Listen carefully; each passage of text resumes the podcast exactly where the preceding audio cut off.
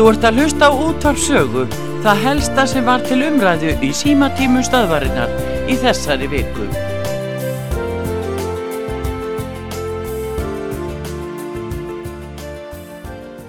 Gjörðu svo vel. Takk fyrir góðan daginn, getur eitt ég. Sæl. Sæl.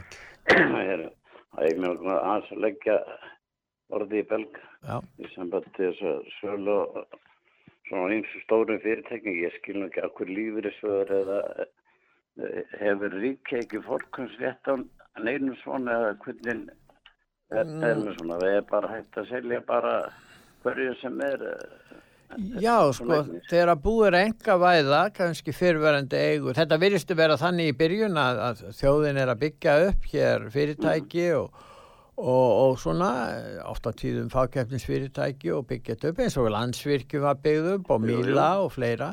Síðan kemst þetta í enga eign og þegar þetta kemst í enga eign, þá geta þeir selt hverjum sem er virðist vera í heiminum og ákveði það verð á, á, á þessari þjónustu sem þeir uh, vilja eða geta í raun og veru knúi fram gagvart uh, neytendum.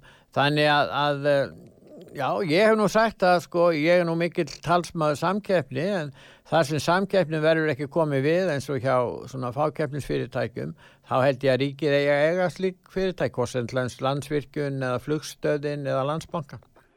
Já, mér finnst það, mér finnst það bara lífið svo nætt að koma þar inn líka því að þeir eru, það eru, alveg- það, er alveg feitir. Já, já, það verður þá að þeir ættu þetta þá, já, já.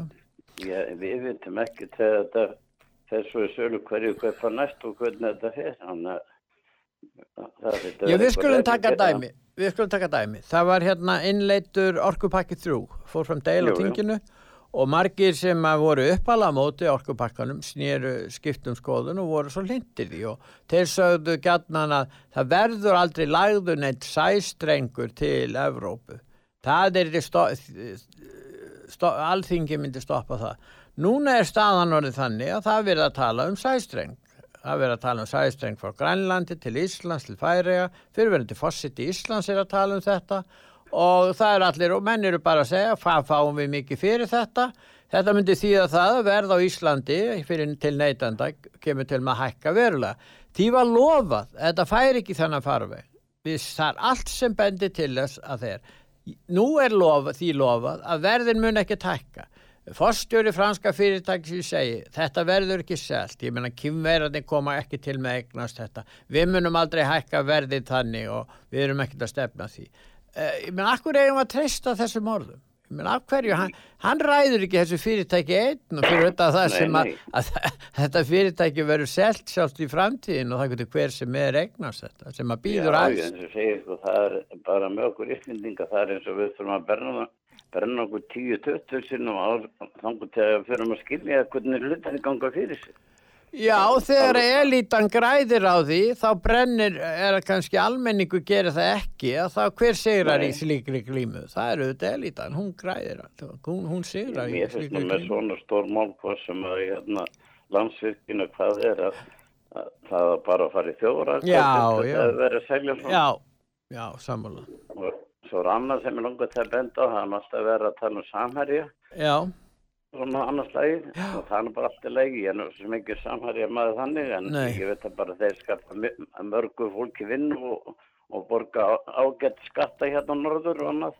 En það er aldrei talað um neina önnu sjárúttusfyrirtæki eða til dæmis talað um olíufinnur hvað þau eru búin að komast og eru, eru komin í eignafjölubæði eins og krónuna og hagkaup og svona það, já.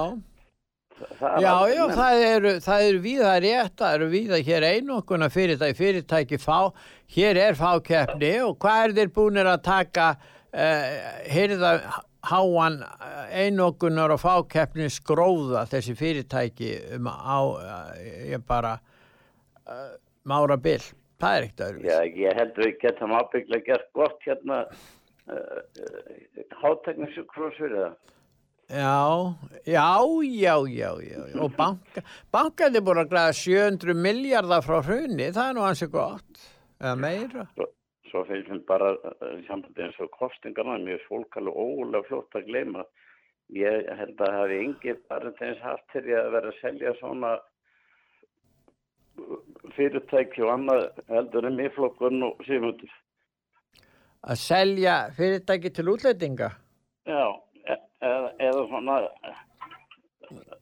Já, þeir voru að því að reyna sko að eh, það voru hér kröfuhafar og, og, og hérna til þess að reyna að ná meira út úr kröfuhafanum og þar með hérna tókst það. Það tókst að hafa að gera ná meira út og se, hvaða skoðin sem menn hafa á stjórnmálastefni Sigmundar Davís þá stóðu þeir fyrir því og það skipti viklu máli að hægt var að gera það og hérna en, en þar með en hva- hvernig síðan hefur tekist að vinna út úr því, ég skal ekki segja. Það, það er við, alveg við mál. erum bara svo fáminn og lítil að sko, þetta fyrir að fara svona faramanni hendur þá ráðu við engu sko. ekki ef við seljum þetta til útlið við sáum til dæmis með bankan við, Landsbankin var í eigu íslensku þjóðarinnar eða Íslendinga í lok setnipart 19 þegar bankinu stopnaði, setnipart mm. 19. öld. Og við erum búin að eiga hann og það, það er á ymsu gengið en hann hefur náttúrulega fengið á sig gott orð, bankin og, og Já, hérna og bankin fór aldrei á höfuðið allan þennan tíma. Þar til hann er seldur og þá liði nokkur ár, þrjú, fjögur ár og þá var hann komin í þrótt og, og þetta og hafa lítið borga fyrir bankan, verðið var mjög lágt og, og það var ekki einu sinni borga allt kaupverð fyrir bankan þannig að við sjáum að svo engaveðing hún, hún brást algjörlega bæði varðandi söluna og Hagna ríkisins sem var mjög lítill og síðan afleiðingarna sem voru ríkalegar fyrir íslensku þjóðina. En ekki fyrir þá sem keftu bankan og, og bröskuðu með þetta. Þeir, þeir, þeir töpuðu ekki miklu. Nei, ekki nei, þjóðin þeir verður alveg nákvæmlega saman þjóðu og, og, og fólk við í, í, löndu færi þar út fyrir. Það er bara kaupa og selja og, og ég ber á þreft fjórfund verði eftir einhver ár. Þakka ég fyrir að ringja Pétur. Eru takk samanlega. Þakka ég fyrir blessaður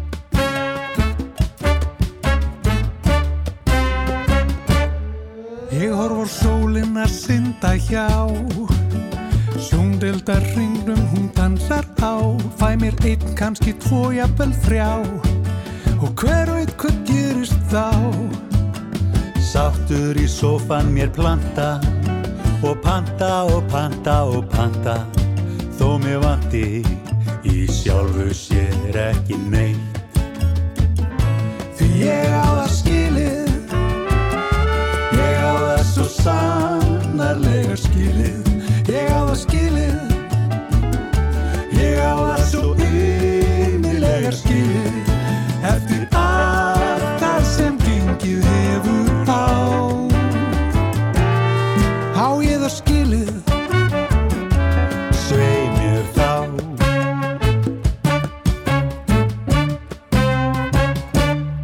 Ég ætla að grilla mér stórefli steik og stela svo aðeins út í reik Ég ætla að blanda mér bananaskeik og bræða á framlengdan leik Ég ætla að skjótast til tenni að tana og teiga lífið af krana. Mér er sama hvað öllum og öllu finnst. Því ég á það skilið, ég á það svo sannarlega skilið. Ég á það skilið,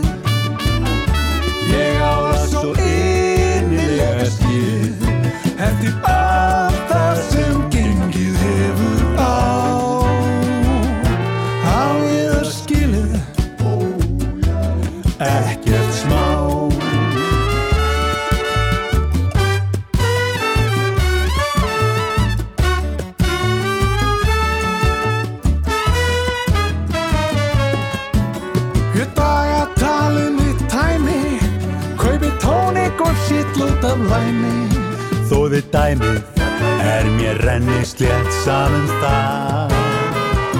Því ég á það skilið Ég á það svo sannarlega skilið. Ég á það skilið Ég á það svo innilega skilið. Eftir það sem gengið hefur Á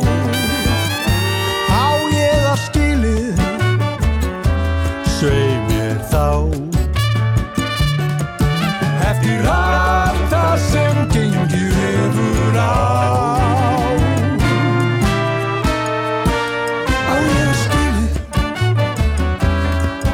ó já. Ó já.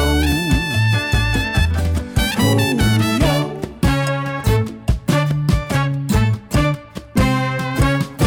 Já, gjör það svo vel. Bindi Stefáns, neitt ég. Sæl Benedikt og fólk hefur verið að tala um þessi söl á mílu, þetta er eitthvað ríkalegt. Já, Ég held að mann gers ekki grein fyrir tæknið framþóðum sem á, á sér stað. SpaceX var að setja upp satellit hérna sem er nánum í Ísland. já, Svo eru indverar og brettar að setja upp annað satellit system sem mun ná líka yfir Ísland. en þetta fyrra kerfi, hver á það? Eh, Elon Musk. Já, já, já, já, já, var hann að setja upp, já, já. Já, og það, það vitt svo til það og ég skil ekki útlendingum að það fara fjárfesta peningum í kerfi sem er ónýtt af því að þegar þetta satellite system kemur upp Já, þá er hámasverð á, á interneti á Íslandi 500 dólar fyr- 500 dólar fyrir diskin já, og 99 dólar á mánuði. Þetta er hámasverð um allt land já, já. Þannig að þetta er halv ónýtt eh, fjárfesting þessar útlendinga í raun og veru. í raun og veru þetta er bara þetta er bull fjárfesting ég skil ekki að þessi menn hlust ekki á fréttir Þannig í raun og veru er skynsalett af hálfu Íslendinga að, selja þetta á tæpa 80 uh, miljardar vegna þess að þetta er að verða úreld tækni. Akkurat. Þetta var frábært tækifæri og þeir, þeir og ég bara þakka Guði fyrir þeim tóst að losa við það. Já, þú, mein, þú meina það, já. já. Þetta er ágætt, ágætt svingil sem þú kemur með þarna, sko. Þú ert alveg viss um það að, að, að hvena koma þessi tæki upp? Eru, eru, Fyrir viku síðan já, já, og nú, eh, það er að koma núna næsta system það er að koma frá indverjum og breytum það, það nær inn á 15 stöð breytakar líka. Já, indverjarnir hafa verið að þróa sína tækni verulega á síðustu árum. já en þetta eru breytar Og með indverjum. Já, já, ég segi það. Já, já. Já, og þannig að tvö, við náum í tvö system. Mjög, mjög fljótlega. Já, og, og, og Elon Musk komið með jafnveg síma sem næði beint í satellitin já, já, já. Þannig ég veit ekki Hvað verður um, Hvað- uh, tak, takar ekki á uh, hérna, viðskipti frá Vodafone og þessum símanu hérna og þessum fyrirtækjum? Vodafone og, símin í, í Reykjavík og, og, og þjættbíliskjörnum heldur áfram en allt sem að rukka sko fyrir miljón krónur til að setja uh, fiber optic út í, út í bæ það gengur ekki upp Já, já. Þannig að að þetta er bara, og sími var nú að, þeir voru nú að selja hjá Vodafone á um daginn eitthvað var það ekki? Fylgdustu með því? Nei, ég þetta ekki Dreifikerfi hjá sér, þeir seldu dreifikerfi. Ég ætla þessi ekki átt að sjá því að þeir eru að missa það Já, já, já. Herðu, ég þakka þið fyrir þessa ábendingu. Já, já Þetta er svona annað vinkill á þetta Já, mjög góður. Þakka þið fyrir að benda á þetta. Takk að Bless.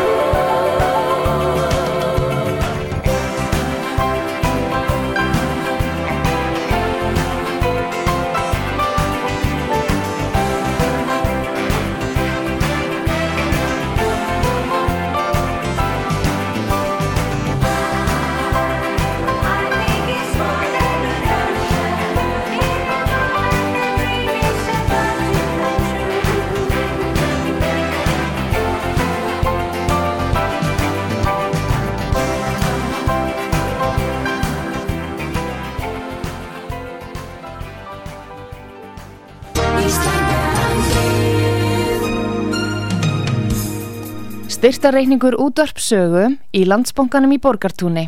Útibú 133, höfubók 15, reikningur 10100. Nánari upplýsingar á útvarpsaga.is.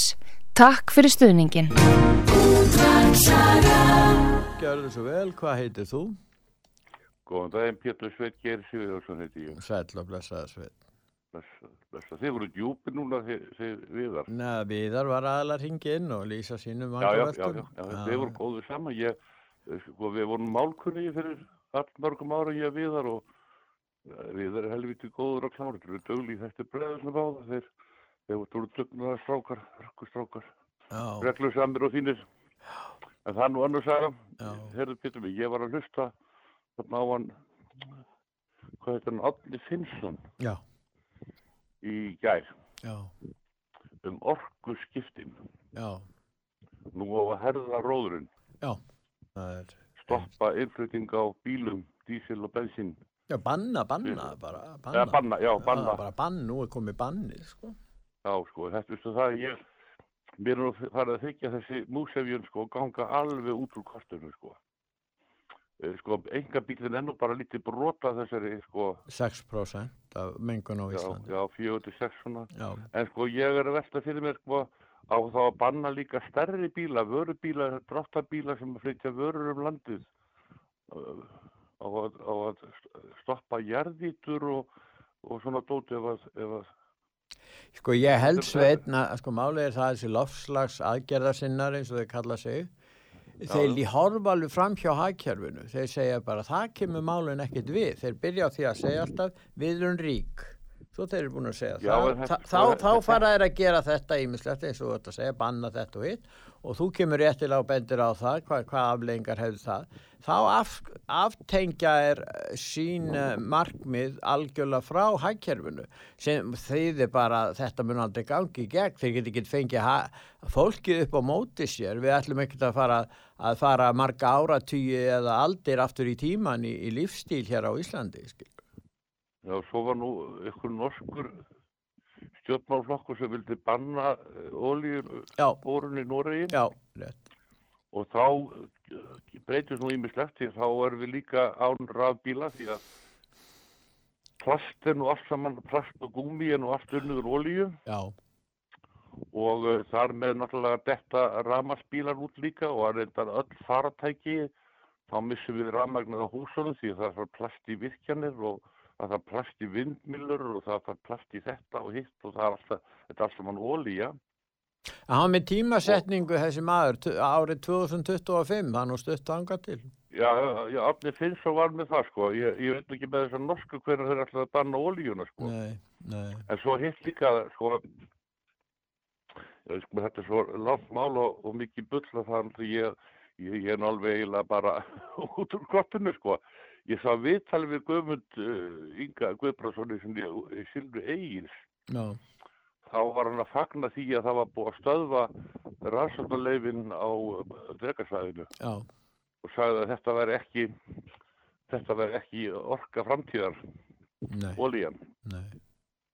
Og svo í sama viðtalinu bara nokkru sekundu setna þá fór að ræða við hann um, um lendingar flugvila á Akureyri. Það var komið beint flug frá Breitlandi til Akureyri og hann fagnaði því mjög. Ég, ég var svo hissa sko hvað menn eru steindauði fyrir rökonu sko því að flugvilar þurfa elsneti og það er ekki, þeir fljúa ekki á eigin vengjum eða ramagni sko. Nei, sko, þe- þe- þe- þetta fólk er bara ekki, þetta er ekki eh, heilt á sönsum, sko.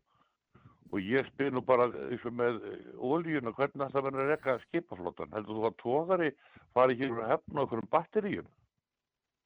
nei það og- tekur og- langan og- tíma að- breyta því, það er nokkuð ljós. Já, sko, ef þau geta nokkuð tíma breytti, jú, kannski vetni, því að ve- vetni er nú bara orku geimsla, sko, ekki, en ekki, hérna, þetta er bara eins og rafgeimi, sko, þetta er ekki e, þrjumorka, en, en sko, þeir, þetta, þessi umræða er alveg, sko, langt En ég skil hafið. ekki að þeir sem ríki sem standa einna best, og það gerum við með okkar græna orku, að við eigum að flýta okkur en hinnir, þeir eiga að ljúka þessu 2060 eða eitthvað þýjunni til þess að nota kólin. Þannig ég, ég átta mikið alveg á því að það, það sem gengi hefur best og það sem menn, þau ríki sem að hafa dreigi verulega úr hérna úr hérna losun á, á þessum efnum að, að, að þeir eru hérna settir í spennitreyju en síðan þeir sem að e, menga langmest og vandræðin eru mest varðan til ofslagsmálin að þeir fá þennan langa, langa tíma. Ég átta mikið á því Já, sko, ég er nú, ég er nú að hugsa bara um morgundagi, sko. Já, Ég er nú ekki komið svo langt eins og þú, sko. Ég er ekki alveg svona djúpur, sko. Nei, nei, það er bara, ég er bara að benda á hvernig misræmið er vegna þess að Ég- það já, lítur já, að er vera að þú, þú, þú vilt að þeir sem menga mest að, að þeir verði taki sín mál í gegn fyrst og fremst en ekki að, að, að þrýsta á þá sem ástandið er best, ég skil það ekki. Já, ég, það sem ég, sko, það sem mér finnst, sko, uh, hunslugast í þessu er að núna er bara ráðist á, á okkur enga aðilana Já, sem erum nánast saklaus í þessu máli með við hversu syndin er stór. já, Sko, það, það var ráðast á enga bílinn, það var ráðast á enga bílinn og það er mjög harkalega núna. Ég skal taka fram að ég á, á þrjá bíla, einn er nú bara svona jepplingur, 10 ára gammal og, og eh, mjög góður og, og, fyrir hann til bílabíl og já, ég ætla bara að vera á honum áfram. Ég er ekki að fara að köpa rafmagnsbíl, sko. nei, En hitt eru tveir, sko, sendibílar, einnig þessum húsbílar, sko, 33 og 31 og gamlir, sko. og ég er já, ekkert að fara að endur nýja þá og það er allt í lagi, við skulum láta það líka að hluta. Já, en að ráða að spara á enga bílinn þegar allt annað er skilið eftir ég, það, það gengur alveg fram að mér þessi músefjun og kjaftaði. Þetta er sko uh, hérna líðskrumið í, í stjórnmálamönnu fyrir kostingar er nú alveg yfirgengilegt en líðskrumið í þessum náttúruvendasinnum það er algjört bullorði sko.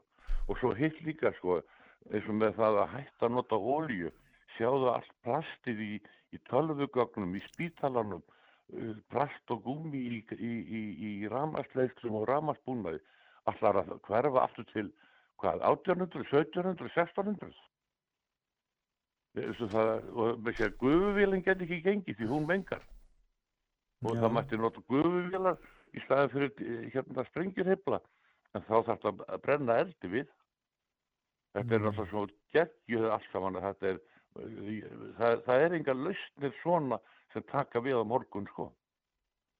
Þakka þér fyrir sveinn, Sömulegis þetta blessaður.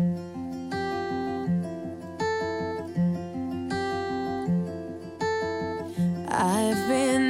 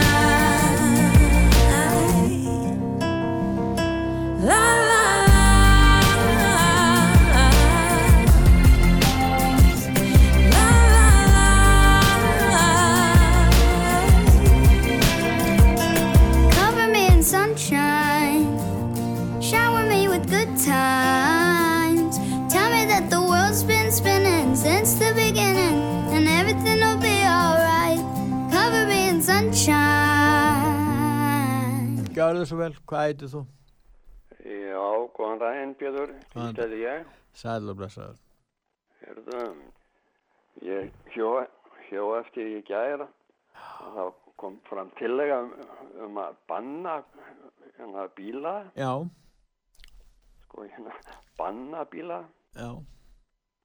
og svo fór ég að velta fyrir mér hvernig alltaf þeir að framkvæma það.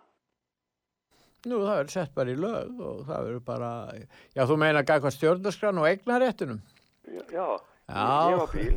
Já, já, ég, allar, allar að kom, koma til mín og, og taka bílinn og, og ef ég neita að, að láta hann af allar, allar þess að bara að kveikja í honum. nei, þeir koma, þeir ringi vöggu og síðan koma löglumenn ef þú ert að streytast á móti þá bara yfirbuga þeir mó- mótstöðu þína eins og gert er ef menn hlýði ekki lögum og reglum. Þá, þá þar, þurfa stjórnvöld bara að fara að stopna bara aftökusveit, aftökusveit. Nei, nei, þeir bara fó flestir myndu hlýða og þeir sem gera það ekki, þeir eru settur út svo geta er sektað menn, það er aðalega að nota sektir á fólk, mjög háar sektir, þá er þeir innheimtur, ef menn er einhver eignir þá er þetta að gera fjarnám eða menn verða að sitja það af sér. Þannig að það er alls konar leiði sem ríkið hefur til að knýja fram vilja sinn, við þekkjum það í gegnum á- ár og aldir. En, en þeir ver- verða nú að gera sér grenn fyrir því, þe- þessi menn, að fólki, fólki í landinu er, er gjörsanlega á, móti því sem, sem þeir er að bóða. Margir, rétt. hafa 60, og- 63 þingmenn inn á alþingi að, að, að, fa- að fara bara að, að gera fólki bara lífið óbærilegt. Já, góð spurning. Já, þeir hafa þetta vald. Þeir þurfi ekki eins og var 63, það er nægilega til séu 32. Þeir hafa þetta vald, enda sjáum við í mörg, nokkru málum, í, eh, nokkru málum, mikilvægum málum, þá er almenningur og allt annar í skoðun heldur en stjórnmálastjættin. Það verður bara að horfast í augu við það. Þeir gætu hugsalega komið okkur inn í Evrópusambandi, jafnvel þótt að talsverð stór hópur meilhluti væri á mótið því. Þeir gætu gert það, fræðilega séð það og, og í raun, það er og alveg raunhægt, þeir gætu gert það. Þannig að, að þannig farið að, að verða bíl og djúb gjá á milli sjónamiða stjórnmálastjættarinnar og almennings og mér sýnist ekki að þeir vilji brúa það bíl, þeir vilji bara hérna, hérna fara sínu fram og treysta því að, að menn gefist upp gagvarti. Já, já. Fyrst heyrði her, her, ég Já. að það ætti að banna innflutning á bensínbílum árið 2030 Já, og, og nú- núna er, eru margir komnir á ramansbíla ég, ég bý hérna í blokk þar sem, sem, þar sem er bílakjallari og bíli minn náttúrulega er þar og, og ég sé það, það, það eru margir margir búin að skipta yfir, yfir á, á, á ramansbíla já, og þá bara spyr ég og þarna með því að banna bíla að vera þeir þá ekki að banna ramansbíla uh, sko banna bíla þeir, þeir, já þeir eru að tala um að banna bensínbíla er það ekki og, og díselbíla er það ekki. Nei, þeir, þeir, það var ekki tilgreint sko í, í, í, í, þessu sem maður heyrði ekki að já, Þa, það var bara sagt að banna bíla. Það var, það var ekki tilgreint bensínbíla, díselbíla metanbíla eða ramansbíla bara banna bíla. Mm, já. Ég held nú að, að, að sé nú fyrst og fremst uh, þessi bensínbílar en hitt er annað máli, ég býst, já, ég býst við því að, að vona því að það sé, eru margir margir hérna rótækir umskværisvenda sinnar sem vilja bara að fólk noti almenningssamgöngur. Og að vísu já, myndi, og- að vísu myndi yfirstjettin hafa sína bíla og sína bílstjóra, það er annar mál. En almenningur er það að láta sér duga að, að hérna almenningssamgöngur og treysta bara á, á kerfið að þeir geta haft hann í samgöngur og, og það, það held ég sé svona menn hugsa sér að þannig að, að það er líka kenning til um það að, að, hérna að almenningur eigi ekkert að eiga bíla. Þá helst að þeir geti þá leikt einhvers konar bíla við einhverja aðstæður en, en það er svona ákveðnar ákveðnar óskir í gangi hjá þessu fólki en ég held að þeir mun aldrei ná því að stöðva bifrið að þeir eru að tala um orku skipti það er að tala um að fara yfir í ramaspíla en auðvitað eru náttúrulega ramaspílar ekki algjörlega umhverfisvænir. Það, það, er, eru umhverfisbjörn sem verða þeir verður að búa til ramaspíla þannig að það er náttúrulega ekki hægt að það ætlast til þess að, að, að þarna sé komin einhver, einhver, einhver sko endaleg lausn á þessum málum. Nei, nei, nei er, er, ramaspílar að mörguleiti að þeir menga eða jafn mikið og bensíbílar sko, þegar er verið að búa á til. Já, það er þannig sko svo þarf þar, þar að farga þeim hvað, hvað á að gera við, við Ég meina, en að, að lokum að, að, að ég- ég ve- veit fyrir víst að, að þeir, þeir þarna í þarna skal ég sé meira hlutin í borgarstjórn í Reykjavíkur já, að, að það, það fólk gargar og gargar að fólk bara eigi ekki að vera að kera á bílum. Já, en ég veit það fyrir, fyrir víst og, og, og, og það sem ég, ég ætla að fara að segja núna það er satt. Það, það, er, það er ein frú sem, sem tilherir meiri hluta borgarstjórnar Reykjavíkur hún kerir á stórum luxus Lexus jepp, jeppa já, sem mingar mun meira heldur en litli bíli minn já, já. og, meina, og, og hvað er þetta fólk að menna? Já, já, það Já, já. Þetta er bara, þetta er bara á segbjörðu, þetta er bara lítið dæmi og, og, og ég vildi bara koma svo, svona á framfæri Já, og ég, ég slá ekki að hafa þetta lengra og ég, ég bara þakka fyrir mig. þakka fyrir að ringja ertu ein eftir erfiðan dag? Því að ég man að þú skrifaðir allt niður á blað. Nú ertu ein manna. Af hverju ein manna? Þú sýndir mér margt sem að ég hefi gleymt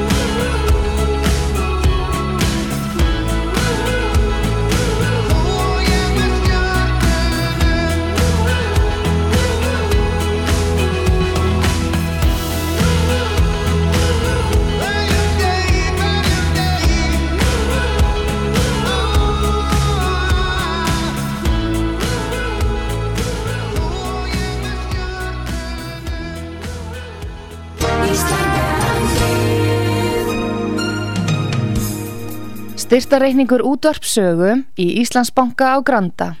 Útubú 513, höfubók 26, reikningur 2.11.11. Nánari upplýsingar á útvarpsaga.is. Takk fyrir stöðningin. Við opnum fyrir síma. Gjörðu svo vel, hvað heitir þú? Já, gjörðu svo vel. Já, góðan daginn, Pítur. Góðan daginn, ég heiti Sigurgeir. Já, sæl, sæl og blessaði sig. Herðu, það er nú komin öflugur stuðnismæður hérna sem að er vil stoppa bíla og ja, ég segi það nú kannski en Jakob Fríman Magnússon nýkjörn alþykismæður stopnandi græna hagkerfisins Já. Fyrsta greini sem hann skrifar eftir að kemur á alþingi, það er í morgunblæðin í dag. Já. Og það er akkurat um þetta sem að sænska þjóðkirkjan og ríkiskirkjan eða hvað það nú er. Já. Er að benda á, hann, er, hann blandar þetta guði alváttum ekki inn í þetta. En þetta er, Nei. þetta er trúaði menn þarna í flokki fólksins. Mjög trúaði sunnisveri. Þannig að svona er það að þarna kemur öllur liðstyrkur um hvers ráðarann í sjónar. Já, áskoranir nýra ríkistjórnar í loslasmálum grein eftir Jakob Fríman Magnússon.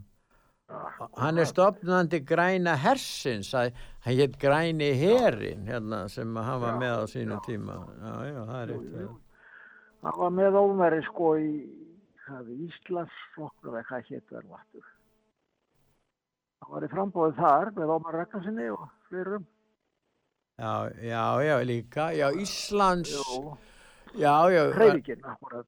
Já, nei, það var ekki hreyfingin, það var Íslandshreyfingin, hétt hún, Íslandshreyfingin var það ekki. Jú, Íslandshreyfingin. Já, en ekki hreyfingin, það var annar flokkur. En já, já, þú, þú meina það, hann segir nú hérna, hann Jakob, að hann hérna, mér virðist sín sjálfstæðisflokks og framsóknarflokks á þessi mál skinsamleg. Þannig að hann svona stiður þau viðhorf vilist vera sanga þessari grein? Já, það eru bara viðhorfin sem að þeir verða að kynkja í samstarfið vafki. Það er, það er bara málið. Það er ekki, ég held að sé ekki skoðanir fólkskorki frásóknarflokkin í sjálfstæðisflokki sem að verði þar ofan á. Nei, það er, það er sennilega rétt hjá þér en enga síður, þá vitum við það ekki nákvæmlega. Þeir, þeir auðvitað vilja vafki leðtóðarnir tveir sem fara á ástefnun að stýra hérna, stefnu Íslands í þessum málum, það er nokkuð ljóst. Já, já, það, það, það leikur alveg fyrir að fórsættur ára verður, verður náttúrulega að sína það að hún sé fyrir þetta fólk í flokkunum sem að... Já. Fyrir sig, hún trúir þessu sjálf. Já. Hún er, hún er alveg í hópi heitrúaðara, sko. Já, sko, þegar flokkurinn var að stopnaður að þá var hún komin svo nýinn í þetta að hún var nokkra. En ég held að hún hafa nú ekki verið afgerandi í þessum málum allavega ekki fyrstu árin, sko. Nú er það ekki, já, ég veit ekki það ekki. Nei, það, það var nú, sko, Það, þetta voru tveir, þetta voru tveir arma sem að voru stofnaði flokk, nei flokk sem að stofnaði vafki, það voru, það voru sérst þeir sem að fyrst voru tóldi sem vera vinstramenn og að... Já, uppalega vildu þeir stiðja verkalýsreifingur, þeir eru lengur hættir því eins og veist. Þetta, þetta voru, þetta voru tveir armar og flokkurinn var svoðinn saman á þessu fórsettum og síðan var það um hverjus fólkinu, Hjörlu Gustafssoni og feministarnir og feministarnir já, já, það var sérst græni hlutin og svo var heitt rauði hlutin en rauði hlutin hann harf fjórum átlega bara á byrstu flokknum og hefur ekki látið sjá sig það síðan. Já, það var kannski, já. En, en það er aðeins Ég var sjálfur í þessu flokki. Já, já sjálf, Hvort varst þú í, varst í rauðu eða, eða grænu deildinni? Ég var að sjálfsögðu í rauðu, rauðu Já Já, já. og ég man alltaf eftir í sko að þegar við löfum með það voru ekki maður 60-70 mann sem voru þetta á stoppfundinum það var svona langt borð þarna í salnum langt borð og á borðinu lágur rauðar og grænar möppur.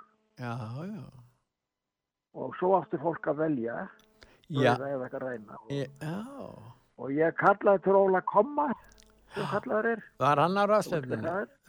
hann var hann náttúrulega stofnandi flóksins og ég öskraði til hans yfir þeirra salin og við kortaðum að taka rauða eða græna möppu oh. og hann kom svart tilbaka taktu rauða Já, En hann er farinn, náttúrulega fór uh, alveg hvað farinn.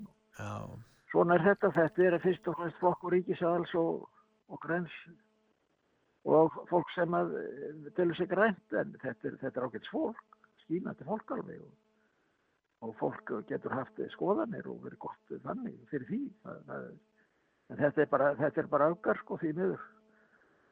Þetta eru bara augar og, og nú er búin að blanda Jésu inn í þetta. Ég veit ekki hvað tilgangi það þjónar. nú, það er nú, Það- er kirkjan, að kirkjan er að, alls konar tilgangi. já, já, kirkjan er, er, er, ég var að vísa í sænsku kirkjuna, ég, svo ég segi, ég hef ekki hef ekki, Sænsku kirkjuna, það eru náttúrulega margar kirkjur í Svíþjóð, það er ekki alltaf ég þetta er nú aðal- er ég er að vísa í er- ríkiskirkjuna þar eða eru kirkjuna. Já, það þá er þessu að segja bara einn kirkja, sko, það er ekki svoleiðis. Sko. Ég er ekki að segja það, en það er alltaf, það er lang, þetta er, e, e, þessi lúþeska kirkja, í, hún hefur yfirbörðarstöð í Svíþjóð. Meiri yfirbörðarstöðu þar heldur en íslenska þjóðkirkjan hér. Ég held að yfirbörðastöðu, það er ekkit að, ég held að þetta sé nú alltaf, Já, ég held, ég held gagvart það ekki- kirkjudeildunum á ég við, gagvart hinum Já, já, kirkjudeildunum. blessaðu góði, en þó að að fólk sem skrifaði í einhverja þjóðkirkju, þá trúir það ekki nokkuð skapa. Nei, það er að svo annar mál. Það Ég, það það sem á að standa fyrir, skilur. ég væntalega gerum við, væntalega gerum við ráð fyrir því að biskupar trú einhverju, eða það ekki sænskir biskupar. Nei, nei, nei, nei, nei. Nei. Það var oft bara- með þess að, sko, danskur prestur sem auglýsti bara eftir, hann auglýsti Já, eftir það er rétt. Það var á mann- og mannst þetta því og og það var ekki skilir þeir væri ekki trúaðir. Og þetta, þessi, þetta fólk sem er að starfa hjá þjóðkirkjunni, þetta fer, fer bara í, í guðfræði deild sem að, sem að er náttúrulega upp í háskóla og, og á að kenna fólki eða eitthvað en Já. Þetta er fyrst og fremst að til þess að skapa sér tekjur og, og ekki nokkuð skapa hlutur annað. Já, og það er náttúrulega svolítið annað vissulega í öðrum kirkjudeldum. Það Já. er, það er, maður finnur fyrir öðru viðhorfið þessu hjá rússónum og, og katholíkonum. Það er svolítið annað. Og hjá hvítasönnum það fólk, er mann, annað- já, já. Já, já. Það, það er allt annað viðhorf. og. Það er fólki sem er það, það eru sjálfbóðalíðar mest og, og kaup presta.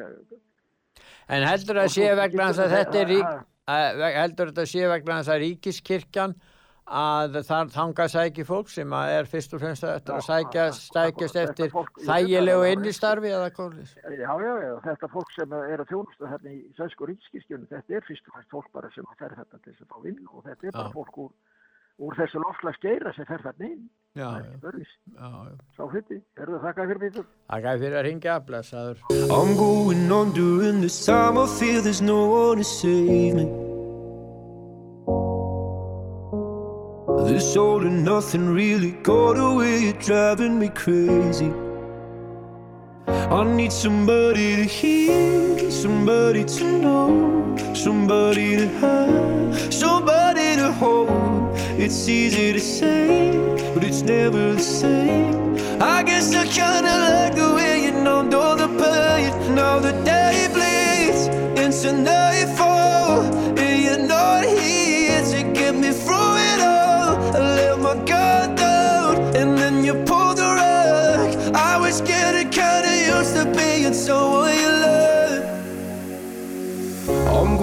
under in this time. I feel there's no one to turn to. This all and nothing way of loving, go be sleeping without you. Now I need somebody to know, somebody to hear, somebody to have, just to know how it feels. It's easy to say, but it's never the same. I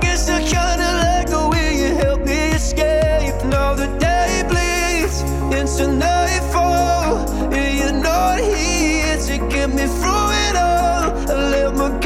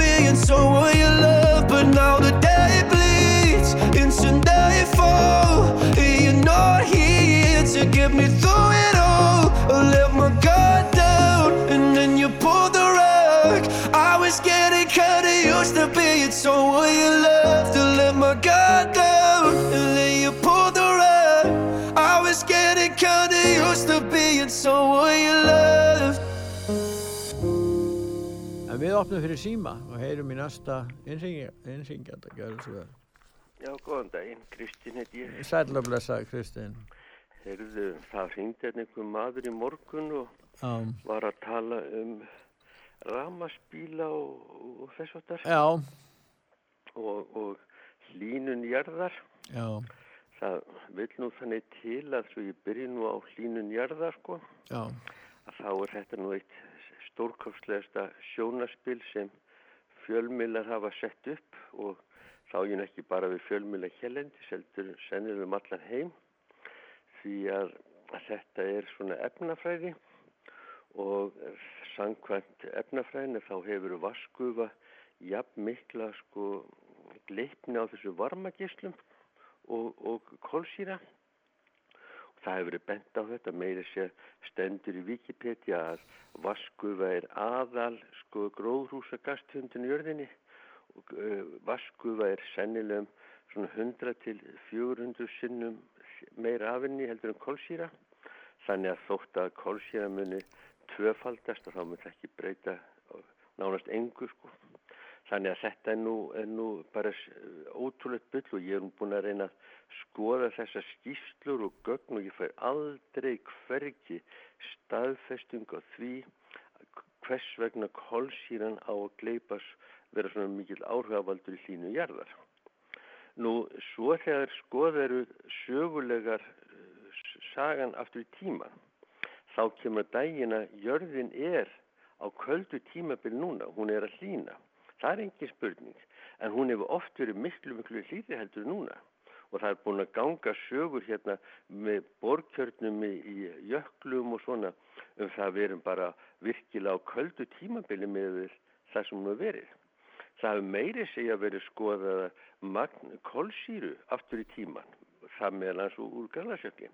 Og það er ekkert samband á milli kolsýru lofti og hérna hittast í fjörðinni. Þannig að það er algjörlega útulokað, algjörlega útulokað að skilja hvers vegna það er verið að kenna kolsýrnum þetta. Og það virðist vera að þetta sé bara grundvöllur til fyrir skattlagningu, ekki þetta en skattlagningu. Það, sko, það er engin ekki séð einu einustu rauk sem mæla með því að þetta sé kolsýra. Ég meiri er að linda las ekki skýslu þessar 4000 sína skýslu hérna sem sjámaðurna voru að gera. En ég fór í indexin og reyndi að finna út hvar er kolsýran valdur að þessu. Það fann ég ekki. Nú það hafa sem betur fer mjög margir bent á þetta en þeir njóta sko að gjalda algjöru þöggunar í kerfinu. Nú, þetta er nú með hlínu jarða og þetta er sko að, að fara með 50 manns þarna til skotla sko, þetta er nú alveg með makalust og bara sóun af peningu sem freka verið þetta uh, nýta í, í hérna grá herin eða, eða bara fyrir gamla fólki. En það er viðtal, ég tók eftir að Rúf, er náttúrulega með eh, umræður um þetta á einn veg eins og þú veist. Og, og hérna, það er viðtal við alls konar sérfræðingar sem eru reyndar ekki sérfræðingar á þessu sviði, en er sérfræðingar á öðrum sviðum og, og það er bara komið með fulleringar um að nú þurfum að hætta óljuvinnslu bara strax. Já, já. Þá bara hætta því. Konar, hvernig heldur að ástandið er í heiminum? Hvers konar mannúðar stefnu verða að reka þarna? Þetta myndi leiða yfir sig slíkar hamfarir fyrir ekki síst fátækustu ríkin og, og hérna fátækasta fólkið Já. að það er því bara hungursneið við erum að tala um sko hundruðu miljóna manna myndi deyja hreinlega, fljótlega. Heyrðu, ég skal segja þið, segja þessi fræga skýsla kom út. Þá hérna byrjaði Rúf náttúrulega með bulli sitt og þeir segja að sko voru náttúrulega skýsluna segja þetta var sko hlínu jarða mannavöldum svo var vitnað í háskólan og þá var vitninu þar var að vegna hlínu jarðar þá verða veður öfga meiri Það er vita mála þegar sjávareiti fyrir upp í 26 gráður þá byrja að vera hægt á hverjubil Já, og, og það er ekki dýtt eftir því sem verður heitara þeim meiri hætta er, er st- sterkum hverjubilum. já, En þeir gætu ekki vitnað í Háskóla Íslands um þetta að vera mannavöldum vegna þess að þeir kunna efnafræði. Ég var í efnafræði í Háskólu Íslands og það er farið í alla þessa varmagisla. Og þeir vita það alveg jafnvel og ég að það er vaskufan sem er, er gróðrúsaloftund, aðal gróðrúsaloftundi. En rúf þegir yfir þessu. Nú, svo ég vendi nú mínu kross og fara að tala um blessuður ramaspílana. Þannig er mál með vexti. Ég er nú búin að halda fyrirlestur um þetta í, í svona áhagamannarfjölum eins og Ottfjöl og Rótari og, og, og hérna. En fjölmila hafa náttúrulega ekki áhuga að heyra hvað ég segi. Nei. En það hef ég heldur ekki áhuga að tala við þá. En þannig mál með vexti að það er óskaplega erfitt að geima mikla orku í einu stað.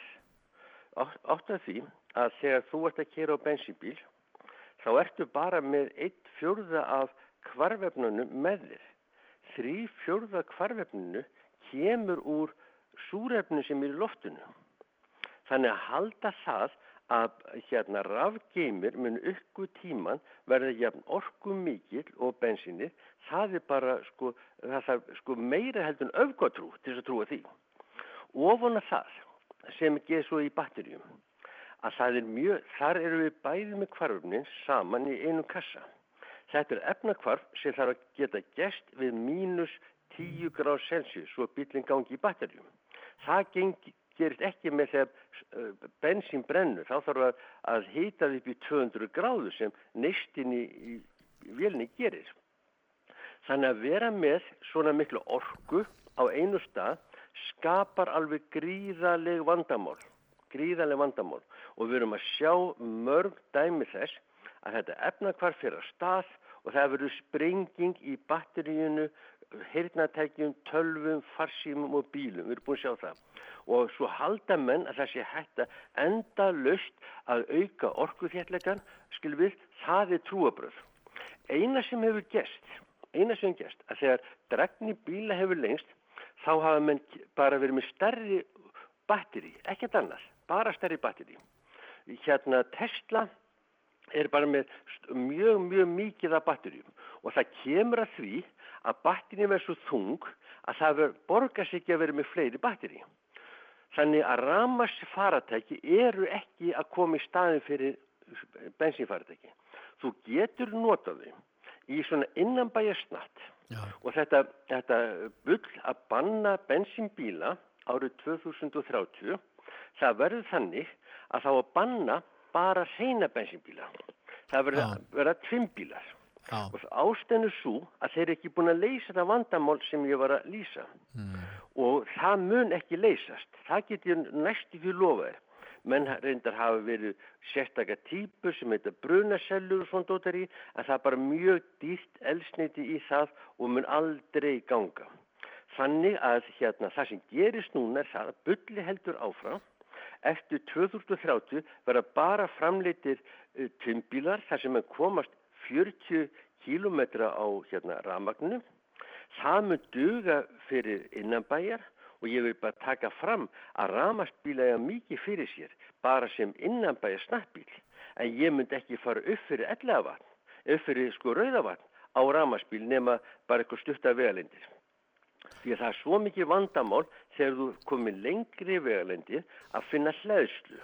Og svo þegar kemur að því að þegar menn alltaf mjög margir að hlaða eins og til mér staða, skálu, ykkur svolis, þá þarf bara verulega mikið ramagangar. Gilvi. Þannig að það er svo mikið að teknilu vandræðum í þessu að þetta er ekki að koma í staðin fyrir bíla sem fara, keirum landið, vinnuvélar, tækið, gröfur, hvað eina. Þetta verður fyrst og fremst innan bæja snakkbíl. En af hverju er þessi mikli hamagangur varandi tímalengdina? Þegar við þessu búa sér til einhverjar domstags dagsetningar eins og þetta er 12 ár en, en, en sko af hverju, ég meina í löndum eins og okkur, við með okkar grænu orku, það er engin íslýtingur sem heldur fyrir ekki að sofa nóttinu vegna þess að nóttast það að, að heimurum farist eftir 12 ár, ég hef enga trú að því ekki nema ef einhver önnu vandamál að stríða skilur. Það er engin almennur ótti en það verður að reyna að, að, að hlaða undir hræðsluáróður af fullum Akkurat, það, það verður ala á óttanum sko. Vistu það, ég sef ágætlega á nóttinni Já. og ég veit það þegar ég fer að endinni bíli minn eftir tíu ár, Já. þá verður það bara tvimbíl og þá ræði ég því hvort ég hleða svona dagstaglega Mm. eða hvort ég bara keira á já. Það, það, veistu það, þeir sem eru á tvimpilum, þeir skiptast nokkur neginn í tvö horn. Þeir sem eru svona um, óttast, svo ekki nóttinni yfir áhugjum, þeir eru alltaf stingum í samband og þegar ert með uh, tvimbíl að þá er dragnin ekki nema uh, sko 40 kilometra að þeir geima þessu litlir. Er ekki og þá þarf að stinga með samband á hverjum degi. Þú getur verið með fólk sem gerir þetta og svo hins vegar fólki sem sinnur sig ekki og keiri bara bensínu. Og þá gerist það, þegar þú fer að keira á tvimbíl á bensíni, að þá eigðir hann meira utanbæjar heldur en bara hreitt bensínbíl. Vegna þess að þú ert með þingri bíl. Þú ert með ramasmótur til viðbóta við bensínmóturinn og þú ert með hérna geima líka. Eina sem er að þessi bíla geta verið spassamar í innanbærakstinni þar sem sko aksturshraðin er mjög sviplukendur. Alltaf hæja og fara stað og svona eins og dagurum búið undirbúið þetta svo vel í Reykjavík. Alltaf stoppa á ljósum og þessu þar. Já. Þá getur tvimbílinn verið hagstæri út af þessu. Þakka ég fyrir Kristján að ringja. Já, allt í málið, þakka fyrir. Bless. Bless.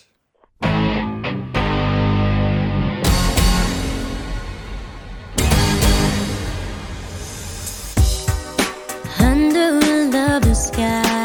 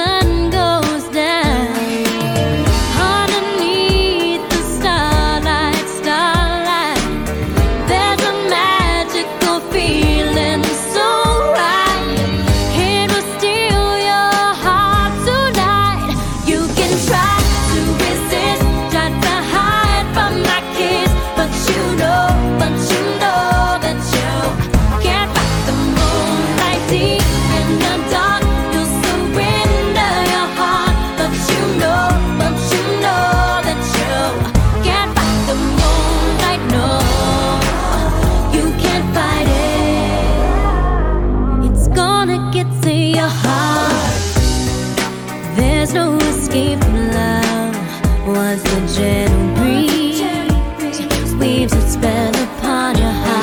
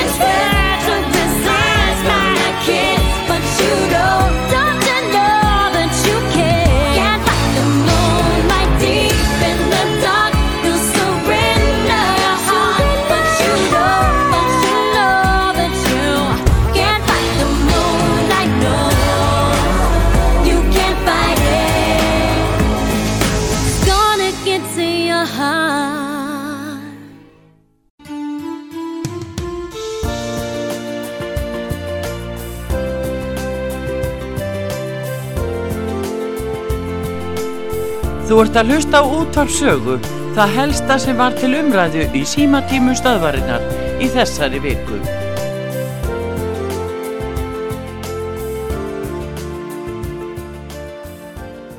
Gjörðu svo vel, hvað heitir þú? Já, góðan þú, ég heiti Jóhann. Sæll og blessaði Jóhann. Ég mátti nú til með að ringja, hann hérna, ringdi þið rétt á hann, hann hérna, Þórður? Nei, hann brottreikni kennarinn, hérna, Já, hann Kristinn Sigur Jónsson. hann Kristi Sigurðarsson, hann er nú svo mikið á móti rannarskilu.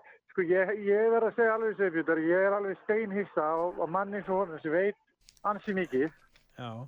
hann hringir í því og hleður þetta inn á sínan alveg algjörði tómrið þvæl hann fyrstaði fyrir hann að tala um það að hann myndi ekki þóru fyrir ellu af vatninu hann myndi ekki duga rafmagnir þá fer hann að tala um að það sé ekki að hlaða út á landi og það er rafmagn í staðaskála. Sko, ha- hann hefur greinilega bara í mörg herrans ár ekki farið þá það. Því að í dag er bara leikandi léttuleikur, þetta keira hringin í kringu landið á þess að hafa nokkuð fyrir því. Á, sko, og ekkert bara okkur í Tesla á mjög mörgum bílum. Það er verið að auðlýsa núna hvert bílinn á þættur öðrum sem er með dregni upp á 500-600 km sem við getum sagt að sé kannski 4-450 hérna í kuldanum en að, en að hérna, halda þessu fram og halda því fram að það sé engin framtíð í rafmagnspílum er náttúrulega bara, já ég veit eða ekki hvað hann er að, sko hann má alveg keira á sínu bensíbíli eins og ég gerir. Það er ekkert að því. En, en hérna, en að vera að halda svona vittleysu fram, er bara, þú þú verður ekki annað en að fletta bara mokkan. Sjáðu bara úrvalið sem til er orðið af í hverju einustu tegu. Þú getur auðvitað að fengið þessa hybridbíla sem eru þá bensín og... Já, hann var að tala um það, hann var að tala um Já, það. já, þú getur alveg fengið þá. Það eru bara bílar sem er ekkert að nýtast manni, þú ert meira og minna á bensínin á þeim. Þú getur kannski verið eins og hann sagði, kert hérna einhverja 40-60 km innan bæjar á þeim. Já. Og jú, jú, það er bara val manna. Þú veist, ég, ég segi það er, ég er ekkert að setja út á þá bíla. En, en, hérna, en að vera að halda þessu fram, að, að, hérna, að það sé ekki hægt að gera þetta og hitt og þetta sé engin framtíð í þessu með rafmagnspíluna, er bara, sko, þetta er svo mikið þvæla að það, það tekur ekki tali að tala um það meira sko. það, því að þú þarf ekki annað en að bara kynna þér málið bara einn eftirmiddag sko. þú, getur, þú getur farið hérna í umbóðin og fengið að prófa sko, ég veit ekki hvað 20, 30, 40 tegundir af bílum sem eru alltaf 100% ramaspílar og margir þessi bílar 100% ramaspílar því að það stundur verið að tala um hvernig þetta komið til með að endast og svo framvegis. Já, já. að það eru bara bílar sem hafa komið gríðarlega vel út. Og er búið að keira marga þeirra 200-300.000 kilometra þeir eru með, hérna, konið með ramaspíla í, í hérna, bæði Teslur og Volkswagen og Peugeot og í leiguaftur það eru menn sem er að keira þetta 150-250 kilometra á dag og fara létt með á þess að hlaða á milli. Þannig að sko ég, ég skil ekki hvað hva, akkur hann er að hérna, því hann veit betur ég tala um ef hann er að flakka á milli og halda sé, fyrirlestur um heldur, þetta sé ekki samfæringans í, í raun og veru? Hann er nú með tvö háskólapróf í raunvísindum, hann, hann Kristinn. Það er það sem ég segi, ég er bara þess vegna skil ég ekki, Já. hann þarf ekki annað en að... Hann er sko, með þess að um umhverfis, hann er held ég í umhverfisfræðinu líka. Ég, Já, já, já, ég get alveg trúið því. Sko, málið er það að hann þarf ekki annað en að sko, kynna sér bara málið hvernig hann er að fara hringin í kringu landi í dag og að hlaða. Já, já. Það er bara ekkert vandamál. Í Reykjavík er það ekkert vandamál. Í allum smærri stöðum ekkert vandamál. Í dag er verið að setja upp hérna hlæðslustöðar við uh, náttúrulega öll ný fjölbýlishús og, og hérna og þetta er bara, það er verið að búa til eitthvað vandamál sko og þó að menn sé eitthvað efast um hérna hvað sagt er um lofslagsvandan og eitthvað svoleiðis Já. það er bara þeirra skoðun og ég, það er allt í fína leið Já. en að vera að halda fram staðrindum því að hann, hann held þessu fram eins og þetta væri staðrind en málið er bara það að hérna í nokkur hundar metra fjarlæð frá honum eru umbúð að selja þessa bíla sem er að fara þessa fleiri hundru kílómetra á leðslunni og það er ekki að því að þeir eru að, að hérna, þingast svo mikið þessi bílar.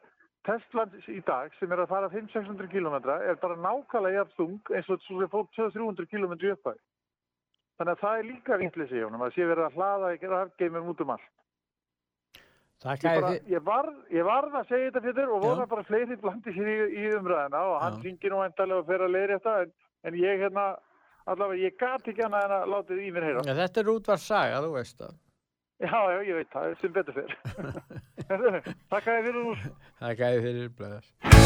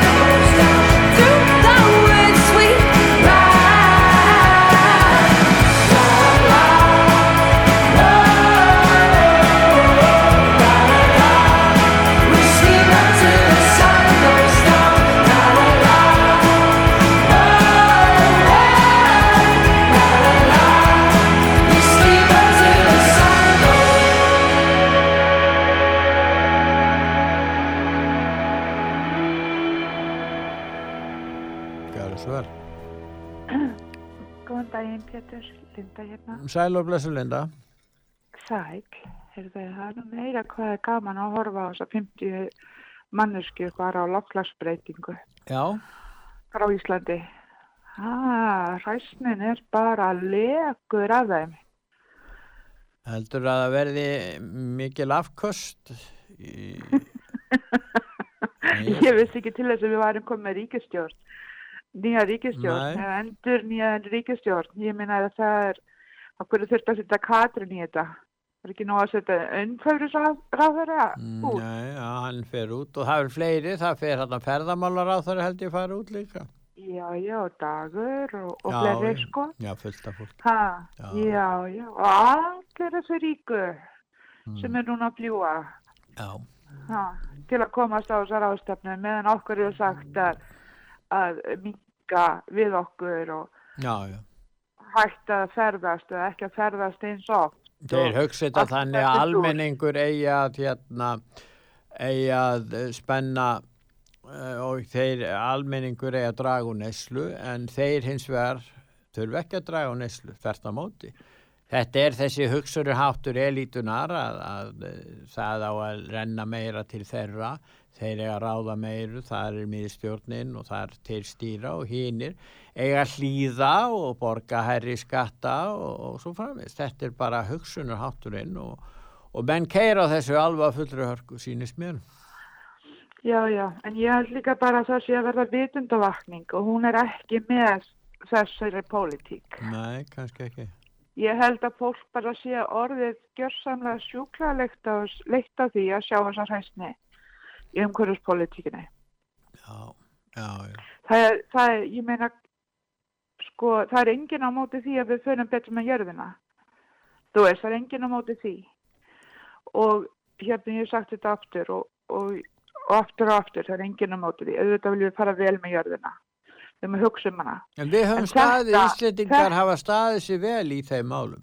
Við erum Já, já. 85, 85, frekar en 87% af grænni orku, endur nýjanlegri orku. Akkur, akkur eigum við þá, akkur á refsa okkur fyrir það? Af því við viljum vera menn. Við Menn? viljum vera partur af þessari elítu. Við viljum vera fína fólki líka. Þú veist, í staðin fyrir að hugsa... Akkur um þurfum við að vera búin að, að ná þessum áraklu 2030 og jafnvel endanlega 2040 meðan aðrir geta eh, hérna, frestað þessu til Ég skal bara, 2060. leifir mér, við erum að tala, að tala um kólefnisjöfnun. Ég, ég er að segja þetta. Af hverju eru þeir ekki í kappi að byggja upp ylrækt? Að byggja, Upp ylrækt. Að Já. rækta justir og grænmeti hér fyrir landan. mm. Af hverju eru við ekki að því? og skórækt, segðu, skóræktin er, Hún og skóræktin og allt það, okkur eru við ekki að því af því að hendar ekki. Af því að þeir get ekki rukkað okkur þess að grænu skatta ef við sjáum um okkur sjálf Já. og seljum síðan afurðina út. Já, þú veist, það hendar ekki þessu öllu saman. Því það er peningafólk á bakvið þetta. Það er peningafólk á bakvið þetta. Almúgin ræður engu Já, það er líka þessi hugsun, þeir segja að Íslendingar eh, nota meiri orku en aðra þjóðir á mann og það er eins og þessi ránt að nota mikla orku. Það er skiptir máli hvort það sé græn eða endurnýjalega orka en hvort ekki. Ef hún er græn orka þá er ekkit að því að nota nóg... ég ætla bara ekkert að hafa neina sagt að kendi við því að búa í landi sem að gefur svona gjöfulega af sér. Já, rétt.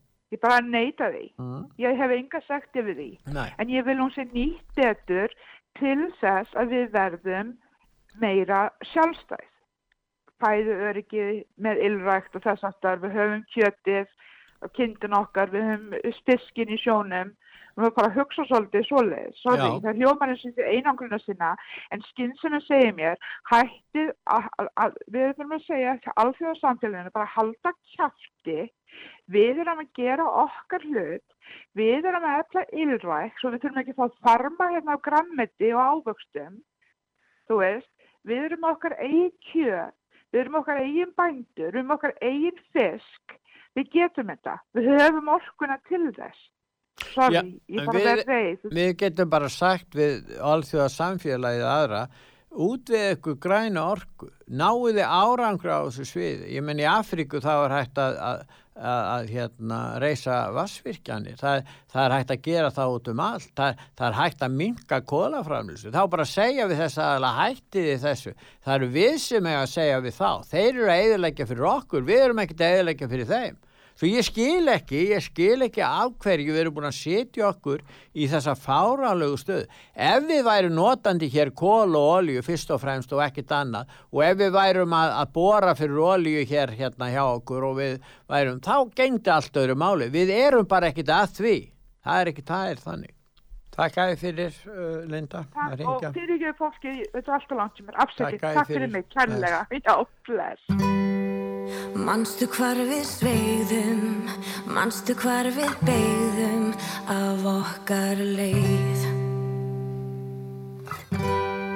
Allt það sem við áttum og allt það ríkti sáttum það rann sitt skeið.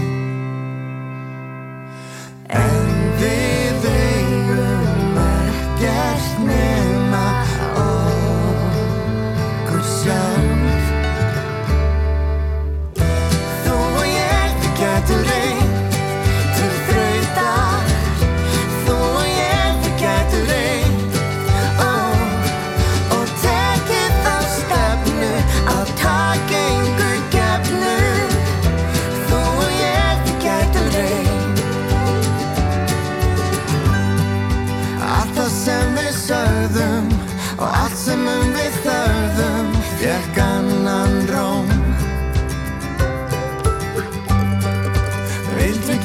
spila lífið aftur til að ná réttum hljó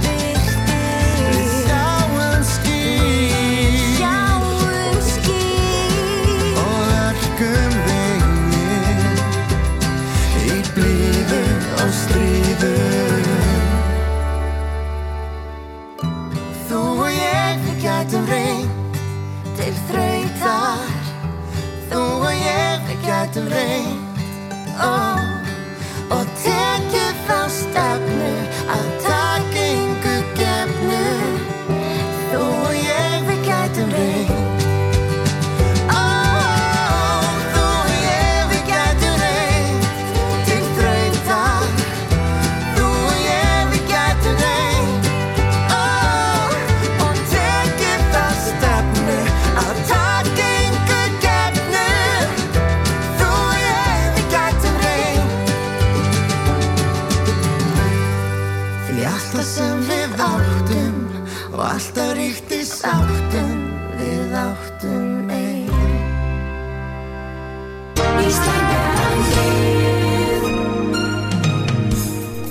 Styrsta reikningur útvarpsögu í Arjónbanka borgartúni.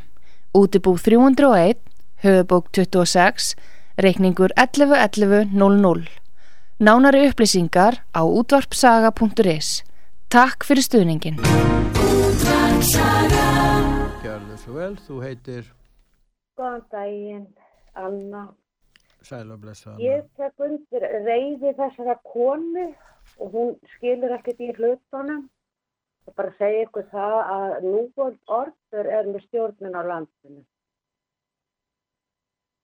Mm, já, já, þú meinar Já. að þú meinar að Íslands stjórnvöld stjórna ekki hér, það er Já, djúbryggi. þetta er alveg borðleggja því að fylgjast með þessum mánuðin saman og, og hérna dróði þannig að fólk þarf að gefa blóð eða ætlar að fara að fljúa til þess að sanna það að það sé búið að taka sprautuna.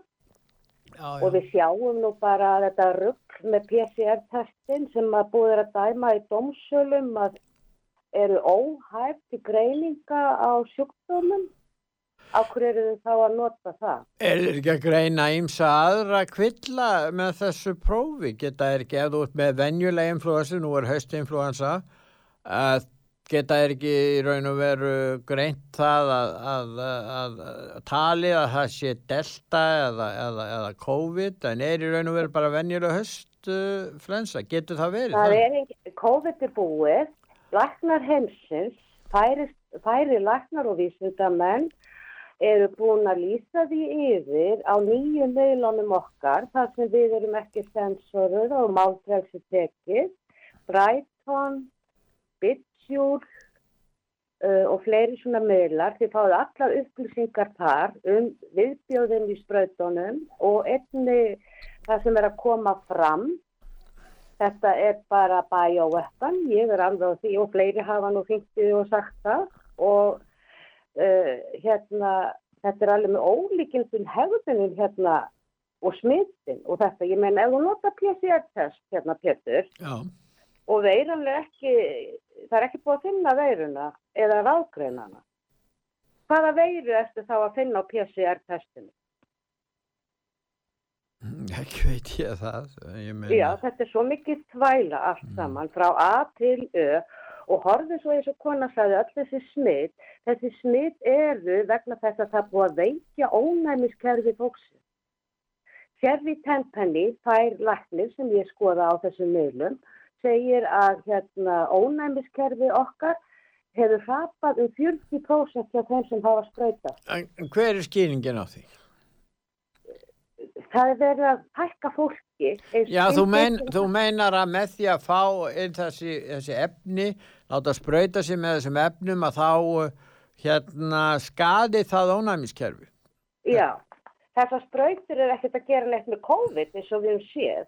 Núna til dæmis, eh, samkvæmt mínum, mínum skilningi, Pétur, þá þessar sprautur núna, það á að taka jólinn af okkur. Nú í framhald af þessum sprautum mun koma af nýtt afbreyði, alveg svo delta afbreyði, þau byggu það Er ekki farnir að tala um delta 2 afbríði? Mér skilt að það sé... Sko, taktu nú eftir, Pétur minn, hvenar höfum við verið með svona flensupesta sumri til? Aldrei. Í fyrra sumar var allt saman gott, svo sprautar fólki sitt og delta kom. Það er vegna þess að það er bannað að sprauta í faröndrum. Ef þú sprautar þá verður veiran brjáluð bestum og breytir sér í annað afbreyði.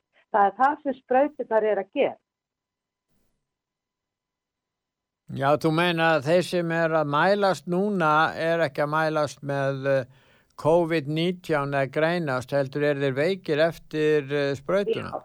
Já, það er að veikja fólk og það er einmitt búið að ræða það á þessum miðlum að það er kvíði yfir því sem koma skaf núna í vetur vegna þess að fólk mun finja í veikindi. En nú, nú segir bara, segir, leik, segir leikmenn, langflestir íslendingar hafa... Þetta plat að, að mínu mati, ó þetta með RS-veiruna og veturinn verður svo erfiður, þetta er svo mikið fals, þau vita nefnilega hvað er að fara að koma. Ha? Mm. Og hérna, þetta er allt bara, og svo þetta í gær, þú varst að tala um lofslægi, ég hló og hló að þessu bara færa þetta einmitt yfir á, á, á trúna okkar, því að þetta er allt í ofinbörnabókinni og... Já, já, já, já. Já, já, að djöfullin mun plata okkur svona og sérðu þau nota, nota trún okkar, þau ganga svona lág. En Petur Menn, hvað er World Economic Forum? Já, það er svona vettvangs, uh, hérna, þetta er svona vettvangur fyrir, fyrir elituna sem að, að bæði efnahagslega, pólitíst og, og, og Er ekki hérna- World Economic Forum, hann Klaus Schwab? Jú. eða, Jú, já, hann- já, og fyrir hvað stendur Klaus Schwab? Katrín er hjá honum, skráð þar. Já, Þú þurfum að fara að tengja svolítið hérna. Eða, ég meina, ég vil ekki vera vond manneskja, en ég er búin að sjá það. Við erum hérna að tala saman Mm. og, og ég er hægt að horfa rúf, sko, við eigum ekkert í þessu rúfi, sko. Við erum eina góða stöðin sem ræði hlutinu. Já, sko við erum ekkert að bóða neitt sérstakt annað en það að fólk fær að tala hér, að ringja inn Já, á, á sögu Og- og, og- og bæði inn á vefsíðun okkar og, og, þeir geta þá, menn geta þá tjáð sig það líka og hér hjá okkur. Já, mér langar rosalega mikið að segja maður, sko, eins og þeir að hlusta okkur, bæði í gær og í dag. Allt sem þið hafi talað, tengi ég beint við New World Order. Það á að taka allt af okkur, það á að eigðileggja fyrir okkur, það á að taka íbúðirnar af okkur og bílana. Og hérna bætin er nú til dæmis að segja að ekkert að vera á bílum og við eigum bara að vera á borgarlínunni og sprauti í okkur greipæn oxide og fylgjast með okkur. Og ég meina, horfðu bara á bæin og dagur hérna, ég hlustaði á því talaði hennar viðbyrsi, Já, hún sem vissa hvernig dagur hafa sér, mm. ég held að hann sé bara lítið þessu, vegna þess að hann er búin að eiginlega lítur og meðalstór fyrirtæki og hérna, þe- þetta er allt svona sko, við sáum það að þessi ríka fólki, það fekk hérna peninga, bláa lónið og annað og mér fannst hann bara mjög undanlegt að fólk sem á peninga það hjálp í COVID. já, já. Það þurfti nú enga hjálp eða að nóga peningum. Hvaða vittlistangur er þetta? Og núna með þessa fulltrúa 50 manns, ég gerir bara kröfum það að fá kostnaðin, hérna, ég vil fá að vita kostnaðin og deila því niður á venjulegt fólk sem vinnur dag, dagana langa. Hvaða eru margir Íslandingar með venjulegt kaup að vinna fyrir þetta lið? En í sambandi við þetta sem þú ert að tala um, Börnin með, veistu þetta eru bara börnin þeirra. já, Þú eru að taka þau með, bara En- nota, nota stöð, aðstöðu sín og ekkert annað. En, En hann Blúmberg sem að gaf þessa peninga, hann er djúbriki, tel ég svo vera. Og hann er búin að ná degi, við verðum að koma að þessari borgarlínu inn og var ekki vitið að tala um það að þetta væri nú bara, já ég vil ekki nota orðið, þetta er ekki löglegt. En fyrst að það er hægt, þá er það gert. já, en það sem greimist í þessu, eitt atriði sem að kannski ætta, menn ætti að hafa í huga, það er stemt að því að, að taka reyðufjö úr umferð. Þannig að öll viðskipti verði rafræn.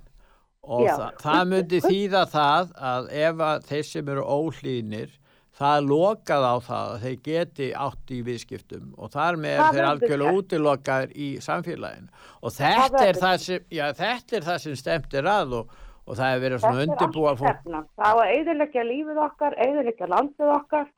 Þið sjáu það að Íslandi lítir land, það er auðvitað að taka okkur. Og ég meina, akkur eru við ekki búin að staða alltaf þess að Danmörk og Norri voru fleiri land og nú er Japan orðið fýtt, það tekur bara íðinlökti og mér staði rosalegt að horfa á alla peningana sem er verið að stela af okkur með, með, með þessum lagarlegu sköttum eh, fyrir þessa spröytur þegar íðinlökti getur bara að losa okkur við COVID eins og skot og bara efnahárum fýtt, það þarf að fara að opna auðvun fyrir fýtblaganginu hérna. Takk æði fyrir að ringja hana. Já, takk fyrir.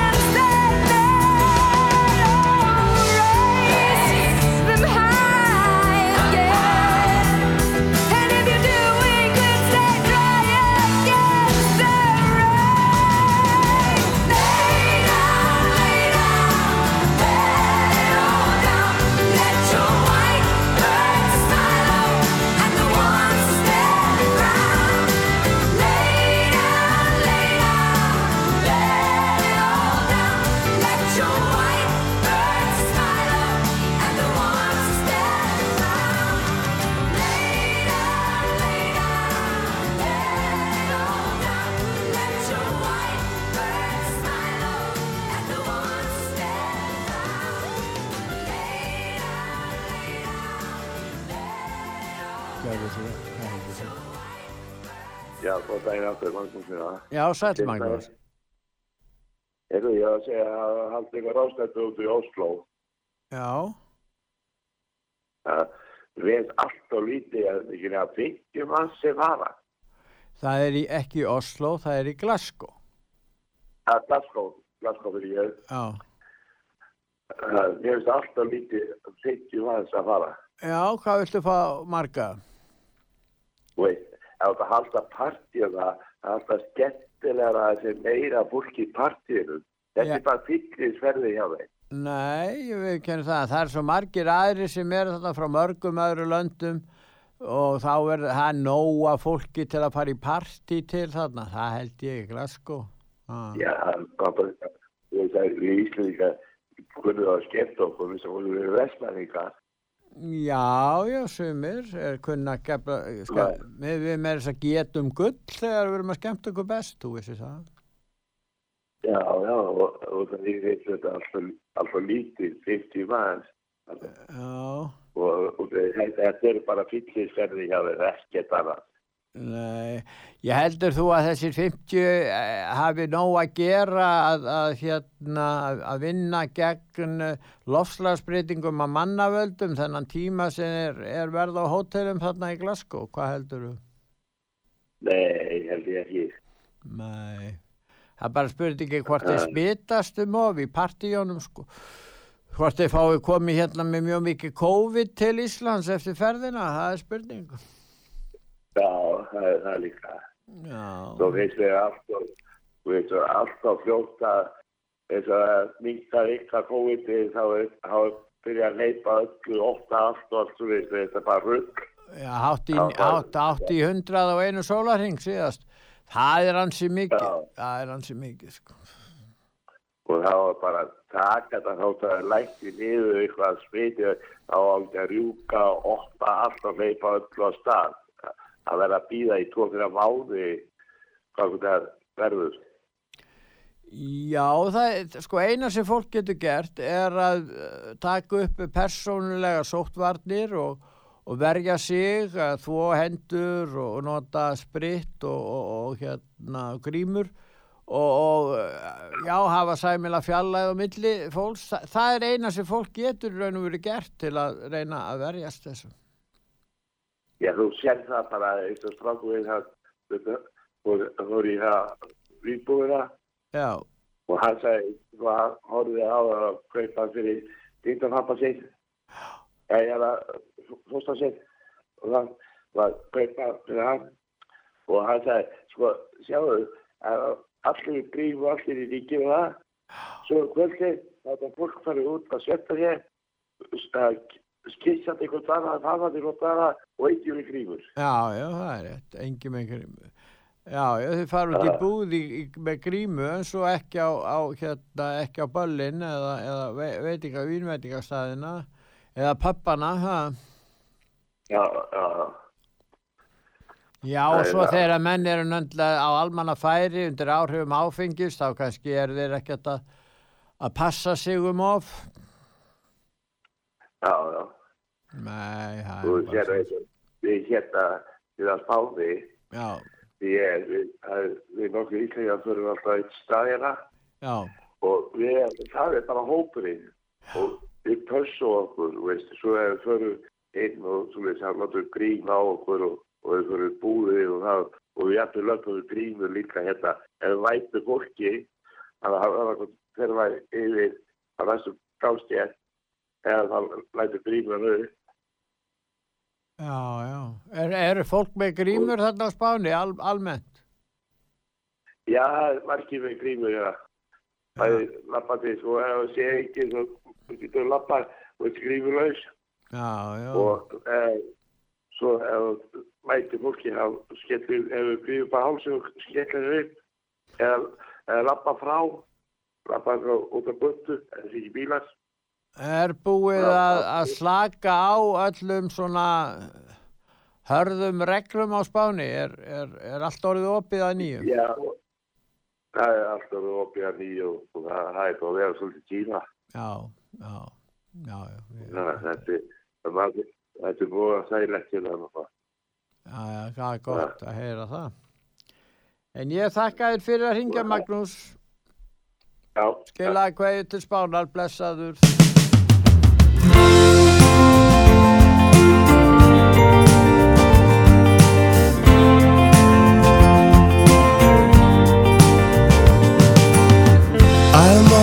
Dags þegar trén valla bærast bara tegja þreytum og sér.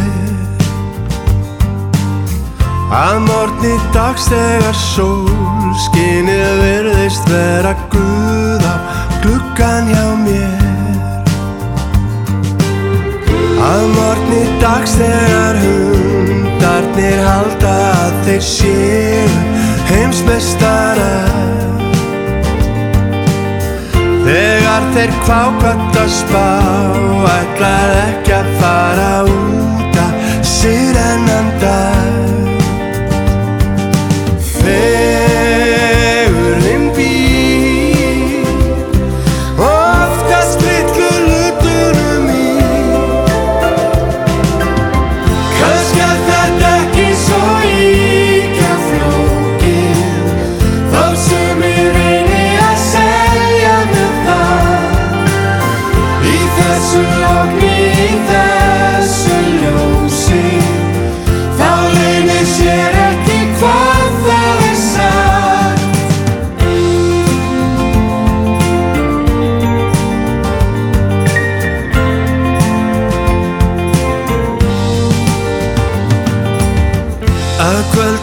dags þegar örlítill kjartalagi vinnur myrkrinu á. Að kvöldi dags þegar þú og ég við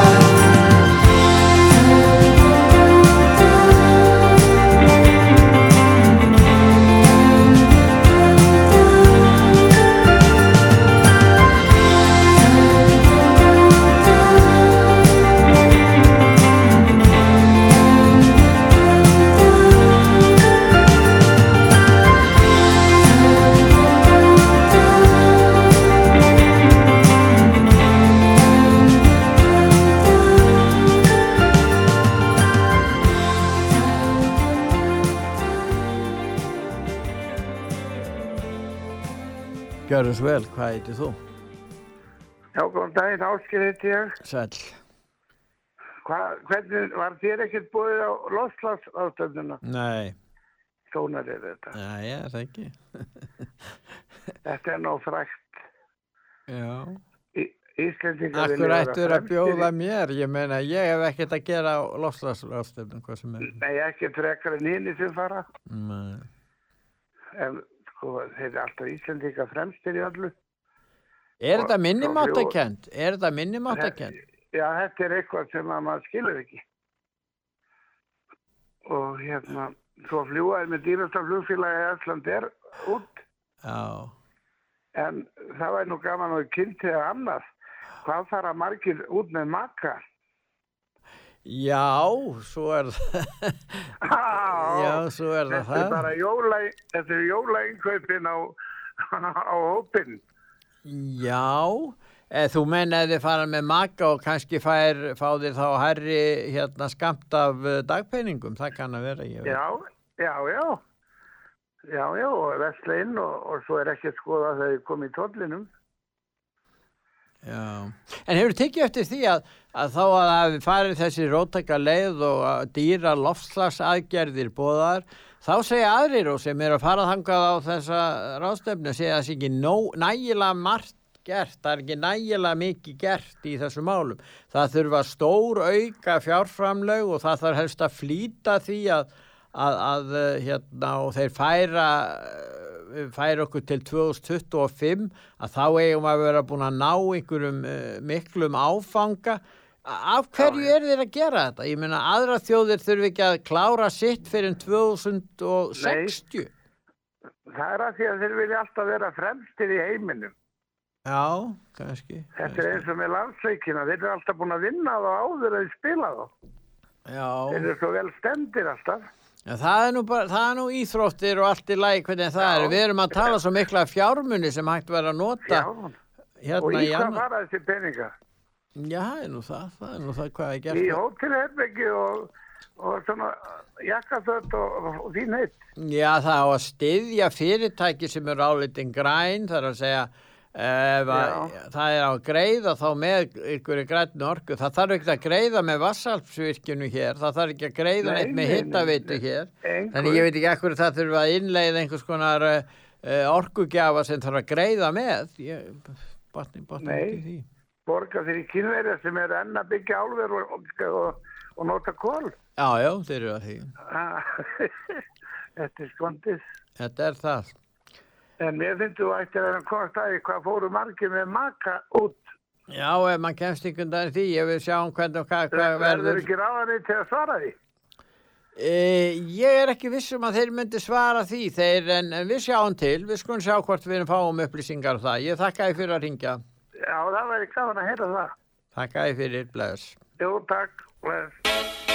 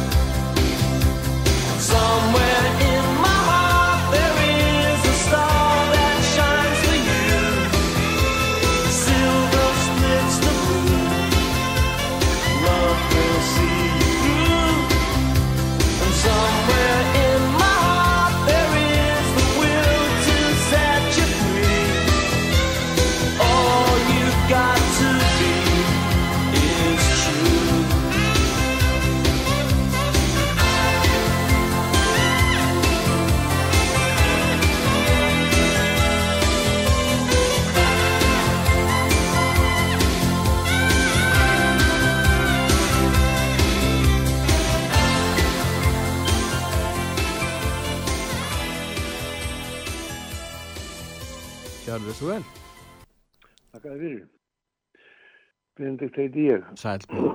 Sæl. Það er bara mikið af Benediktu sem hringi í dag, sko. Allavega tveir. Já, heyrðu, það er varðandi þessi menn sem er að fara þarna til Glasgow. Já. Ég held að við komið í útarpunum daginn að það eru 50 mann sem fara, Já. en 20 er og við erum hins ombera. Hitt gætu verið makar, ég ætla ekki að... Nei, það eru vegum fél, frálsra félagsamtaka en ég held að sé greitt fyrir þá allan.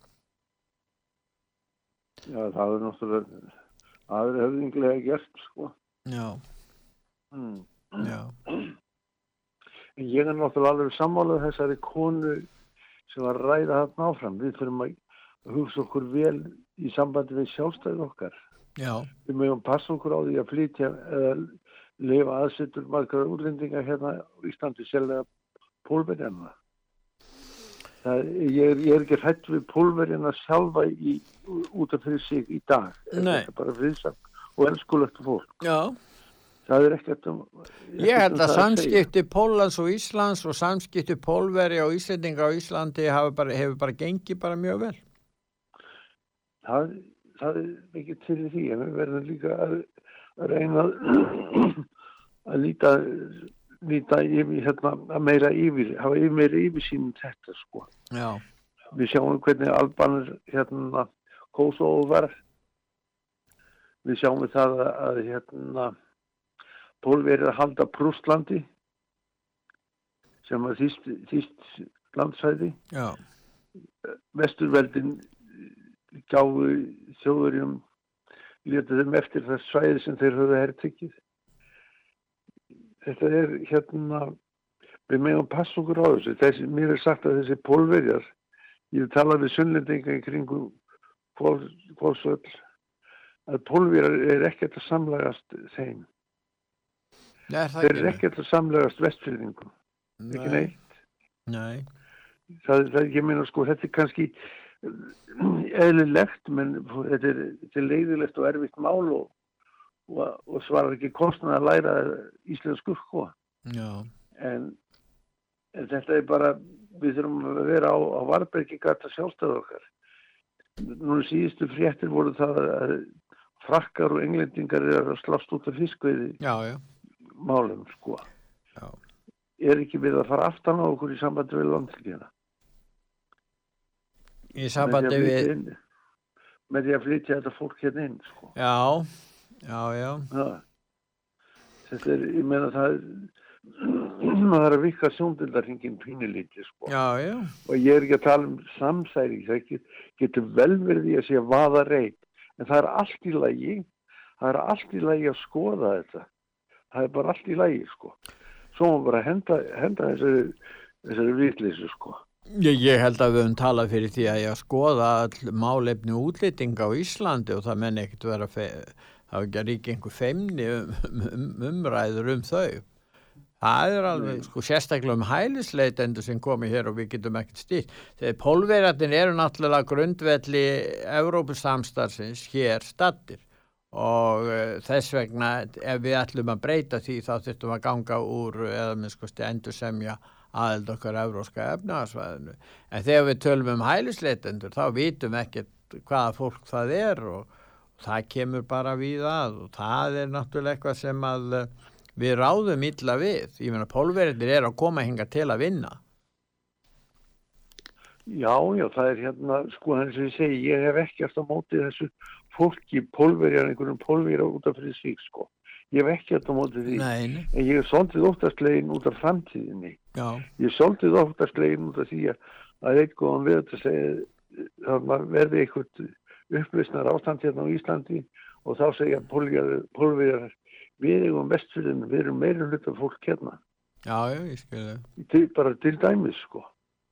En það er líka allir sem þú tala um pólveri að þeir eru með talsverð afskipti á uh, vest, á austur hérna, á austur uh, landamærum sínum og það er til dæmis Litáen, og Úkrænu, það er mjög mikil tengsl á milli Pólans og Úkrænu og svo nú, nú eru deilur inn, í varðandi hérna Kvítarúsland og þeir uh, svona eru er svona tengjast því og, og, og hérna Þannig að þeir eru svona, ég segi ekki séu með herska og auðaríkistefnu, en þeir eru konum með talsverð afskipt af því sem er að gerast í nágrannlandunum, pólverðinu. Já, eftir, eftir sennastriðið þá færðu, færðu hérna rússar sem réðu við Úkræðinu færðu landamæli inn, inn í Póland. Já. Hmm, og þetta er það sem er að gerast þarna út um allt. Þjóðirnar, þjóðflutningarna eiga sér stað þarna inn að á þessari sléttu sko og, og síðan verður allt í helvits rugli sko. Þannig að það er bara, er bara þannig sko. Það eru fullt af rússum í, í, í hérna Úkræðinu, Já, það af rússum í Lettland og, Já, já. og þarna í þessum löndum sko. Já. Og rússar eru, rúsneska þjóðin er, er, hvað er það að segja, yfir höfuð bara ágætis fólk sko. Já, já, en, en sko þeir eru, þeir óttast, uh, sko pólverjar, það sem pólverjar eru náttúrulega í allarsvarsbandalæginu og, og svo er það Kvítarúsland sem er nú, sko, austur landamæri Kvítarúslands eru nú ekkit langt frá uh, höfuborgin eða, eða Moskvu. Þannig að, að ef að Kvítarúsland verður hluti af svona þessari vestrænu uh, hérna vestræna uh, þjóðríkja hópi og verða hluti af Evrópusambandi og, og Atlasarspandalagi þá ó, upplifa rússarnir það sem ógnun við sig Já, þeir eru kæra sinna, þannig ekki um að hafa, hafa svona her, herveldis allarsbandalegið alveg upp, upp í Já, það er, sko. já, það er það sem er, og það, það er mjög skiljanlegt að rússarnir uh, hérna, eru ósáttir við það, það er alveg ljóst. Já, ég bara skil það og sko vel og það lítur að hægt að fara þá leið að, að allir séu sælmennilega Já, rólegir. þá verða einmitt að Vesturland semji við rússana, það verður bara samið um, um leiðir til þess að þeir geti lifa í friði þarna á þessu svæði. Já, ég, það, það ætti að vera þannig. En ég, ég, við erum ágættir að gefa þér ráð hérna til þess. Já, við gerum- er annað- gerum það bara. Mál, á, það er annar mál sem ég vildi gætna að menn vaknaði til vitundar um, sko. Eru læknar að eidilegja ásettur ráði hilbriðskerfið okkar. Til þess að flýta fyrir yngameðingu. Ég vildi gætna að menn skoðuðu þetta.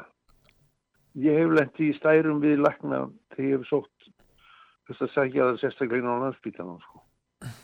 Já, heldur að læknar almennt á, á landsbytarlanum vilji engavæða þennan málaflokk? Ég held það, já. Já, þeir fengi... Lágum við það hver sem vill, sko. Að, þeir, að kjör þeirra myndi batna þá við það? Það myndi batna, já, eða, eða verið svona í ætt, áttina og í ætt við Ameríku, sko. Já, ameríska kerfið er náttúrulega, já, þeir eru að tala um að engavæða en að, að, að ríki borgi sko eftir sem áður allan kostnað. Já, já, ríkið á alltaf að borga, sko. Já, það já, það er rétt. sko. Já, já, já, já. Eða ríkið, ríkið eru við, sko. Já, já, ríkisjóður Mm. bara. hafa þannig. Já, og því meira sem við látum í, í læknuna því, því hérna því minna verður gert annars það, sko.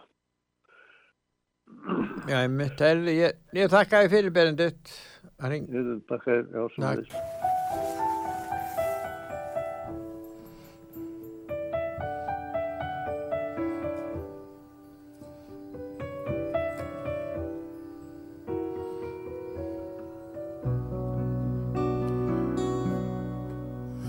Sér hver draumur lifir aðeins eina nótt. Sér hver aldar í sem nýgur jafnan skjótt. Hverju orði fylgir þögn og þögnin hverfur allt of fljótt. En þó að augnablikið aldrei fyllir stund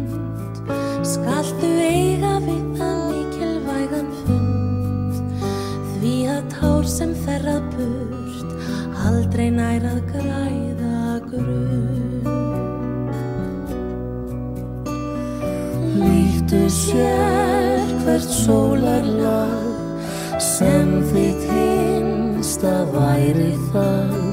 Því morgni ef eftir orðinda Enginn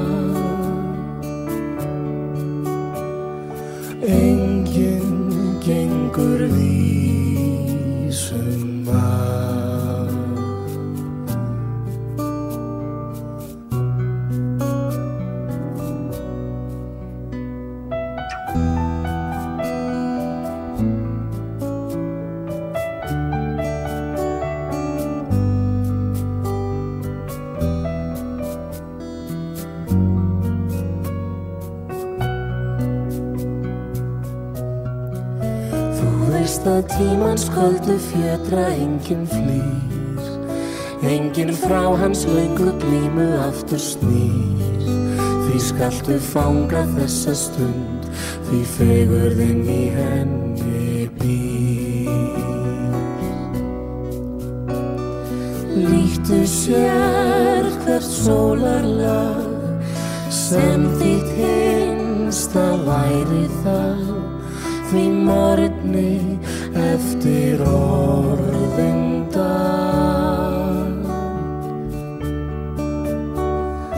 Enginn gengur vísum að.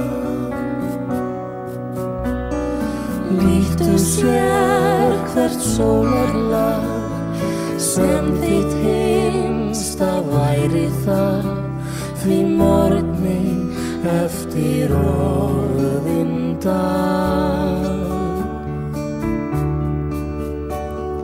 Enginn gengur vísum að